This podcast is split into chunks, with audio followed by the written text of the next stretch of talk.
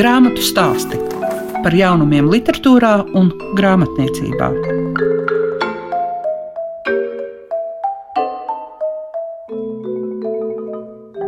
Savu skanējumu sāk grāmatu stāsti. Un šīs dienas raidījumā jūs dzirdēsiet par Dženu Kārsoni un viņas romānu Ugunšķīlēji, kā arī Tatjana Žagare Vītiņa iepazīstinās ar grāmatu Brāļi Žagari. Vispirms par Dženas Kārsons ugunsšķīlēji. Džena Kārsona ir Ziemeļīrijas rakstniece un kopienai domātu mākslas projektu kuratore.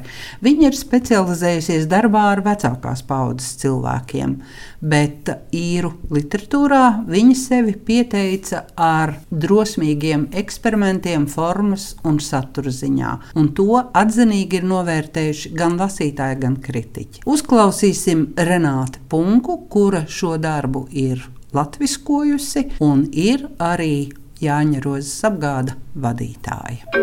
Grāmatu stāsti programmā Klasika. Viens no pēdējā laikā tādiem apjomīgākajiem darbiem, kas īstenībā sagādāja arī ļoti lielu prieku tulkošanā, jo autore ir tiešām talantīga rakstniece, ir īru rakstnieces Džēnas Kārsons, Eiropas literatūras balvu saņēmušais romāns Ugunšķīlei. Angļu valodā tas saucās Firestarters, un runa ir par Belfāstu jo Kārsone tiek uzskatīta par īru rakstnieci, un arī Eiropas literatūras balvai viņu izvirzīja tieši īri. Bet raksta viņa angļu valodā, raksta par šo te ārkārtīgi problemātisko reģionu, kas ir bijis dažādu sadursmju, saspīlējumu perēklis gan 20. gadsimta 70. un 80. gados, gan, protams, arī mūsdienās līdz ar Brexitu. Tā ir tāda zona, kas vienmēr ir tā uz jautājumu, jo atrodas Sīrijas salā, bet it kā oficiāli tomēr tā ir Lielbritānijas teritorija, un līdz ar to tur visi šie robežu jautājumi, un, un tā ir tā īpašā teritorija, par kuru tiek daudz diskutēts, un, un tās liktenes tiek plaši apspriests. Mēs iepazīstam šo pilsētu, Belfāstu, divu galveno varoņu acīm. Ir divi vīrieši, Viens ir pieauguša puika tēvs, kurš jaunībā pats ir arī piedalījies un iesaistījies šajos notikumos, kas ir saistīti ar ticību, kariem un kaujām. Šobrīd viņš it kā šo savu trauksmēno pagātni ir nolicis malā un cenšas tikt tai pāri, bet otrs savukārt ir gados pajauns ārsts, kurš ir uzaugusi ģimenē, kas īsti nav bijusi gatava bērna piedzimšanai un pieņemšanai un, un, un kvalitatīvai audzināšanai. Viņš ir audzis labos apstākļos, nodrošinātā vidē, bet viņam ir ļoti pietrūcis vecāku mīlestības. Līdz ar to tā, protams, arī atstāja kaut kādas pēdas, šīs sajūtas viņa dvēselē un viņa attieksmē pret sabiedrību. Un viņš nespēja mīlestību nodot tālāk. Tur ir ļoti interesants jā, šis jautājums par to, kā mēs šo mīlestību spējam vai nespējam nodot tālāk, bet laikam tas, tas būtiskākais jautājums, ko sev uzdod abi šie varoņi, kurus autore pakāpeniski stāstot, pamīšu stāstot gan notikumiem vienā dzīvē, gan par notikumiem otrā dzīvē, viņi viņus eh, beigās saved kopā šī ārsta kabinetā, kad otrs varonis ir eh, atnācis lūgt padomu, pat ne medicīnisku palīdzību, bet drīzāk psihologu padomu. Un, jā, un, un tas galvenais jautājums ir par to, cik daudz cilvēkā ieliek gēni un iedzimtība, un cik ir tas iemācītājs, cik mēs spējam varbūt labot kaut kādas lietas, ko dzīve mums varbūt sākotnēji nepiedāvā, bet ko ar, ar vidi var labot un mainīt. Un tad ir šis jautājums abās ģimenēs par šo tēmu. Un atbildes ir zināmā mērā sagaidāms, bet tajā pašā laikā līdz pat pēdējām brīdim tomēr intriga saglabājas. Un vēl man fascinēja, faktiski es neesmu tāda ļoti liela fantāzijas literatūras cienītāja pati. Man patīk lasīt tādas īstas pasakas, bet ne teiksim, varbūt kaut ko, kas ir ļoti it kā realistisks, bet tomēr no fantāzijas pasaules. Bet šeit ir maģiskā realisma elementi. Šeit parādās caur tādiem tēliem, kuri simbolizē šīs pārmantojamības lietas, katrs citādākā veidā. Parādās šīs īru un anglosakšu mitoloģijā ļoti dzīvās būtnes, kuras faktiski nu, autore panāk, ka mēs noticam, ka tiešām šie visi cilvēku veidīgie radījumi, ka viņi tiešām ir starp mums un ka viņi tiešām spēj ietekmēt tās mūsu reakcijas un mūsu sadzīvi. Un, un iekļaujot stāstā šos mazliet neparastos personāžus, autore paspilgtina kaut kādas lietas, par kurām viņi grib, lai mēs kā lasītāji padomājam padomājam. Man tas liekas meistarīgi izdarīts un ārkārtīgi tā skaisti parādīts. Vēl viena lieta ir arī Belfāsta pati. Man ļoti patīk ka grāmatas, kurās vide neuzmācīga, bet tomēr ir klātesoša tādā poetiskā formā. Pirms dažiem gadiem tulkotajā Grigorija Služiķeļa romānā Savēlī dienas tā bija ar Maskavu, kur pilnīgi atšķīrās viņa acīm, dzimuši maskaviešu acīm. Viņa pilnīgi izskatās citādāk nekā varbūt tur aizbraucot uz dažām dienām un uztverot tikai to melno varas strāvojumu, kas nāk no šīm ēkām un no, no šīs gaisotnes. Un šeit arī Belfāsta parādās ļoti krāšņi, lakoniski izzīmēta, bet Man tiešām rodas liela interese gan par šo vietu, gan vēlme aizbraukt un apskatīties to uz vietas. Es Belfāstā pat neesmu bijusi, bet šis romāns liek uh, ieinteresēties par to. Grāmatu stāsti tiem, kam grāmatu lasīšana ir vērtība. Tatjana Zagara Vītiņa šobrīd vēl uztraucas, jo pēc dažām stundām ir grāmatas brāļa Zagara atvēršanas svētki. Es piedaru pie tiem, kas to grāmatu jau ir izlasījusi. Tas mans pirmais jautājums ir par praktisko un emocionālo pusi. Kas jums pašai bija svarīgāk? Jo šeit ir apkopots ļoti daudz informācijas, izpētīta pagātne, izrunāti kolēģi, draugi, bijušie, esošie. Un tas viss ir it kā praktiski, bet ļoti, ļoti emocionāli. Patiesībā man jāsaka par to ieceru, jo es biju plānojis, es tiešām biju plānojis, un es to faktiski arī izdarīju, rakstīt par Jūru un Andreju mammu, jo viņa jau bija slima, un īpaši pēc tam, kad Andrejs nomira, viņa palika pavisam švaka, un man patiesībā draugi, žurnālisti teica, klausies, nu taču pierakstu unikālo dzimtas stāstu, un to, nu, cilvēki jau tomēr bija, Andrejs un Jūrs jau par to bija runājuši. Viņa piekrita intervēties, un es, patiesībā mans vecākais dēls iesāka, un es turpināju ierakstīt intervijas. Es izmantoju gan savu vecākā dēla ierakstītās intervijas, gan arī tās, ko es ierakstīju.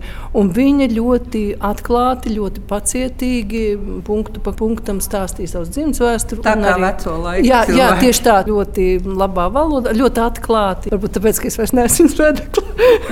un, un tad, kad es biju tiešām e, ļoti ilgi strādājis pie viņas, pie dzimtes stāstu un pie Sibīrijas, es domāju, ka kaut kas tur pietrūks. Gribās turpināt. Protams, ka tur ir tā neviennozīmīgā situācija, ka es 20 gandrīz gadus esmu bijusi jūras sieva un mums ir divi kopīgi dēli un jau mazbērni. Bet eh, tajā pat laikā mēs esam jau šķīrušies vairāk kā 20 gadus un mūs vieno tiešām, patiešām es neliekuļā mums vieno laba draudzība gan ar Juriju, ar Trūdiju un mēs ciemojamies viens pie otru un mums ir ļoti sirsnīgas un atklātas attiecības. Un es piedāvāju Jurim šo variantu un viņš labprāt piekrita. Un, jā, un tas viss turpinājās. Un tad tas, ko es arī intervijās uzsveru, ka es baidījos no tā subjektīvisma, kas kādreiz parādās autobiogrāfiskās grāmatās, ja tur es, kā es to atceros un kā tas bija. Un tad cilvēki lasa, lasa, lasa, un viņam apnīk. Jo viņi vienkārši, nu, kā tu brauc, faktiski tu drusciņi brauc pa virsmu, tikai tu kumulē savas emocijas. Un, un es, kā cilvēks, kurš strādā arī žurnālistikā, kā brīvžurnālists no Amerikas Savienotajām valstīm, es uzskatīju, ka man ir jāintervē tie cilvēki. Jāintervē jāintervē tie cilvēki un jādabū pēc iespējas plašāks um, skatījums un lietām un notikumiem. Un... Jums nācās pieskarties diezgan tādām uh, sabiedrībā aprunātām lietām, kā Andreja aiziešana no operas teātra. Un tad, kad es piemēram to lasīju, es domāju, cik labi, ka jūs tā spējat no malas uz to paskatīties un mēģināt īstenībā saprast abas puses. Jo tajā situācijā man liekas, tomēr lielākā daļa jau bija par Andreju. Nu, man grūti pateikt, jo es jau tajā laikā, teiksim, 13, 13 gadsimta, tur jau priekšspēle jau bija krietni agrāk, kā jūs zinat, un tur bija dažādi tie notikumi. Jā, nu, no vienas puses, protams, viņš bija man ārkārtīgi tūs cilvēks, un mēs izšķirāmies, viņš palika man ļoti tūs cilvēks, un, un arī viņš ļoti daudz ko man uzticēja. Bet tāpat laikā nu, nav jau tā, ka vienmēr ir tikai vienā pusē. Nu, to, tāda banalitāte, vai ne? Bet tā jau tas ir. Līdz ar to es tomēr gribēju saprast un aprakstīt kā, nu, pēc iespējas, nu, ne, nepretendēju uz to, ka es aprakstīju no visām pusēm, bet nu, tomēr saprast dažādas viedokļas. Ja mēs runājam par to kā par tādu drāmu, ja, tad tur ir dažādi līmeņi. Tur ir viena, viena lieta, kas objektīvi bija varbūt nepieciešams kādas izmaiņas, vai ko viņš, teiksim, kā vadītājs darīja, varbūt nepareizi. Bet otra lieta ir šis cilvēciskais aspekts. Es mēģināju kaut kā ieskicēt. Es nekādā gadījumā nepretendēju, ka es varu atklāt visu to dziļumu un fonu, bet es tomēr mēģināju apkopot šo šos dažādos viedokļus, kas varbūt to ainu uzzīmē pilnīgāk. Vai tie brāļi varētu būt bijuši dažādi? Tas, kā jūs arī izstāstījāt no visas tās pagātnes, bija tā sajūta par to, ka citādi nemaz nevar būt. Par dažādību. Jā. Jā, tā ir tāda jocīga lieta, jo man ir divi dēli. Arī tīri vizuāli viens varbūt ir līdzīgāks Andrejam, un otrs ir līdzīgāks eh, Jurim. Un, eh, mēs vēl tagad satikāmies pagājušajā nogalē pie jaunākā dēla Kalnžagara mājās. Juris atcerējās pie galda, ka viņi ļoti nesatika ar Andreju bērnībā. Nu, patiesībā varbūt man to vajadzētu drusku vairāk ieskicēt grāmatā. Viņi tiešām ļoti, ļoti nesatika savā starpā. Bet, kad bija kaut kādas nopietnas nepatikšanas, kā jūs redzējāt grāmatā, teiksim, ar čeku un visu. Jā, protams, ka viņi viens par otru. Bet jā, es gribētu teikt, ka kaut kāds kodols viņiem bija kopīgs, kā visiem cilvēkiem, kas aug vienā ģimenē. Bet es domāju, ka viņi bija diezgan atšķirīgi. Kuru no brāļa īpašībām jūs uzskatāt par vērtīgāko? Es tā saku vērtīgāko, bet tādu, kas jums ir arī nozīmīgāka. Tieši par Andriju un par Juriju. Jā, grūti pateikt. Zin, ar tiem cilvēkiem ir tā, ka kādreiz tu vienkārši savā aizņemtībā, ka tev vienkārši nav spēka varbūt visiem tiem cilvēkiem. Un tad ir tā, ka tu aizēji no kaut kādiem cilvēkiem. Manā uzturē tā nav viņa vērtīgākā īpašība. Jo es domāju, ka viņa vērtīgākā īpašība ir kaut kāds trakums droši vien. Jo ieraudzīt savu mērķi, ir, ieraudzīt, jā, jā, un to tiešām to realizēt. Domāju, ka tā bija tā. Un tā spēja to vīziju iebarot visiem. Un tās ļoti atšķirīgas. Ja teiksim, opera, kas varbūt Jurim nav tik pazīstama lieta, arī Andrejam sākotnēji nebija, bet viņš ļoti daudz mācījās un iedziļinājās. Jurim, teiksim, tur kalns, es atceros to kalnu, tur grāmatā ir tā epizode, to mālēno pļotskus, ko viņš man aizveda un parādīja, un teica, te man būs kalns. Un es kā tāda skeptiķi pie sevis, un arī liekas, skaļi pat viņam teica, ka kāds kalns. Tagad tur ir viss cilvēks brauc, un tas viens no lielākajiem kurortiem Latvijā. Tā. tā kā es domāju, ka tā spēja redzēt tālāk par mums, daudziem citiem cilvēkiem. Un, plašāk un realizēt. Bet, nu, tas ir, kā mēs zinām, tas um, angļuiski ir tas te, termins collateral damage. Ja, kad tu ejot uz kaut kādu lielu mērķi, tu citreiz kaut kādas tādas lietas nepamanīji. Ja, un, un tas varbūt ir kāds cilvēks kādreiz ir aizskats. Bet es domāju, tā vīzija, tas trakums, jo viņš ir tik arī man personīgi. Es uzaugu teiksim, tādā nu, parastā vidusmēra ģimenē, un, un es iepazinos ar Juriju. Un arī kaut kādā Jurija māmiņa, ja, kas bija Sibīrijā bijusi, un kur viena pat audzināja divus puikas. Un tā viņas enerģija, es nezinu, visu tur kaut vai to dārzu. Mēs dzīvojam tādā daudz dzīvokļu mājā, un viņa visu to dārzu saskaņojot ar kaimiņiem, kas pat nebija viņas īpašums tā māja. Viņa vienkārši mums tur bija viens dzīvoklis. Un viņi visu to dārzu uzraka un sastādīja tur krūmus, un puķus un dārzeņus. Un katram viņiem tas jā, ir ļoti patīkami uzturēties tādā cilvēka klātbūtnē, un tāpat laikā tas nav viegli tuvākajiem cilvēkiem. Man liekas, ka ceļš attiecībā uz Andreju ir tas, ka daudzi tagad eh, šķiet atzīmē viņu kā savu labāko draugu. Mm. Tas jā. ir tāds latviešu paradoks. Jā, tas bija arī man te grāmatā, arī tas parādās, kad man vedekli pēc koncerta teica, jā, es biju ASV toreiz, kad bija Andreja 65. dzimšanas diena, un, un Cēsīs bija Verdi Rekviem atskaņojums, un Alis Vedekli man pēc tam, jo viņa strādā par projektu menedžeru Cēs koncerta zālē, un viņa man atrakstīja izziņu, ka visiem cilvēkiem tā kā neskaļi, bet tā, es tur citēju to grāmatā tādā tomēr netiešā veidā, ka bija, viņš bija tas visīpašākais cilvēks. Andrejs tiešām viņš prāt radīt.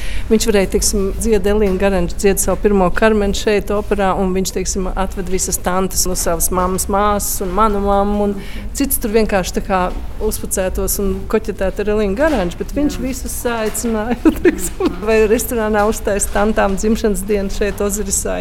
Jā, viņš bija virpuls, un tāpēc cilvēki droši vien tā jutās, nu, ka viņš ir īpašs, kaut kas īpašs Andrēm. Jā. Kas jums pašai no šīs grāmatas ir tas, kas pienāk klāt?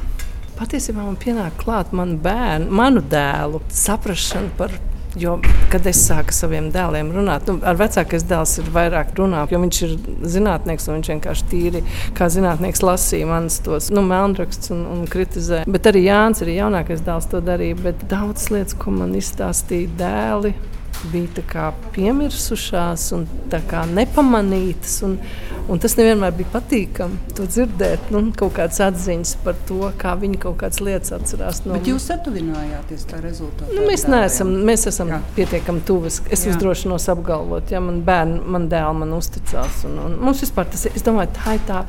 Cilvēki man prasa, tagad nu, arī žurnālisti sūta jautājumus par mūsu paplašināto ģimeni. Juris Trūdī un e, Jura meitiņa Ieva. Mēs regulāri satiekamies, kad mēs esam arī ar mans vīrs Uldis, kad mēs esam šeit.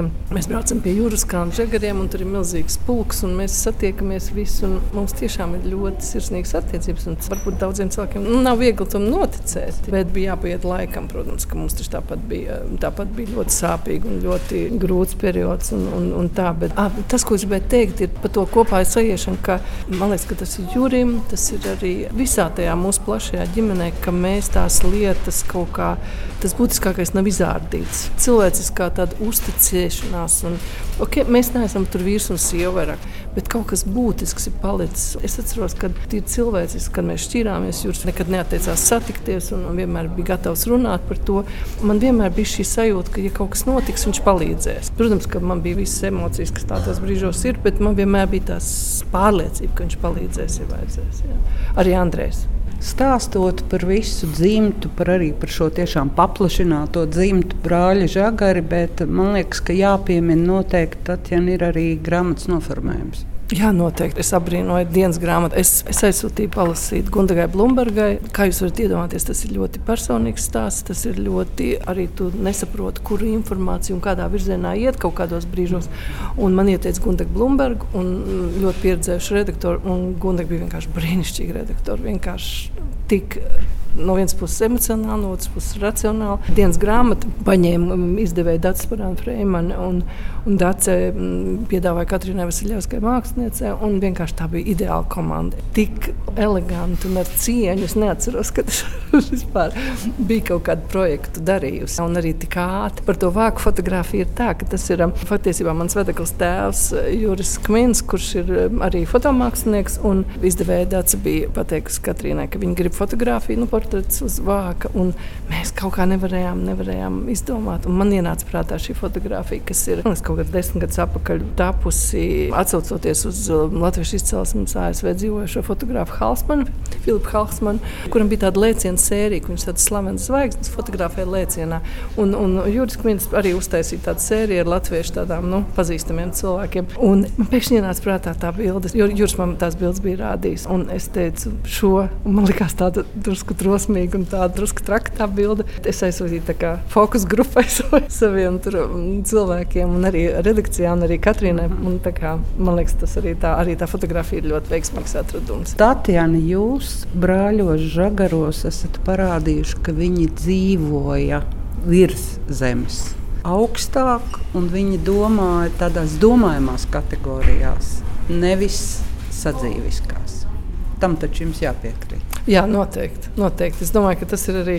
Mēs nevaram visu laiku visu noreducēt. O, viņi bija mākslinieki, jā, bet viņiem tur tas un tas. Jā. Mēs nevaram visu dzīvē uz to noreducēt. Mums ir arī kaut kādā veidā, arī tā skatā grāmatās. Es zinu, ka cilvēki droši vien lasīs un atradīs, o, viņi nav to pateikusi, viņi nav to pateikusi. Tas patiesībā bija tā.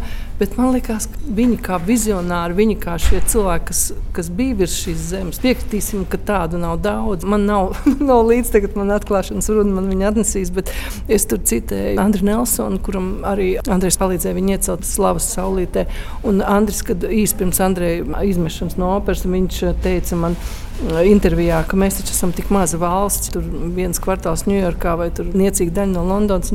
Mums ir jāauklē un nu, jāmīl savu talantu. Un es domāju, kaut kādā mērā, lai tas neizklausās pārāk skaļi un pārspīlēt, bet kaut kādā mērā es to uztveru arī kā savu misiju. Nu, ieskicēt, es pieņemu, ka varbūt vēl būs grāmatas, bet nu, tas ir kā es to stāstu izveidoju.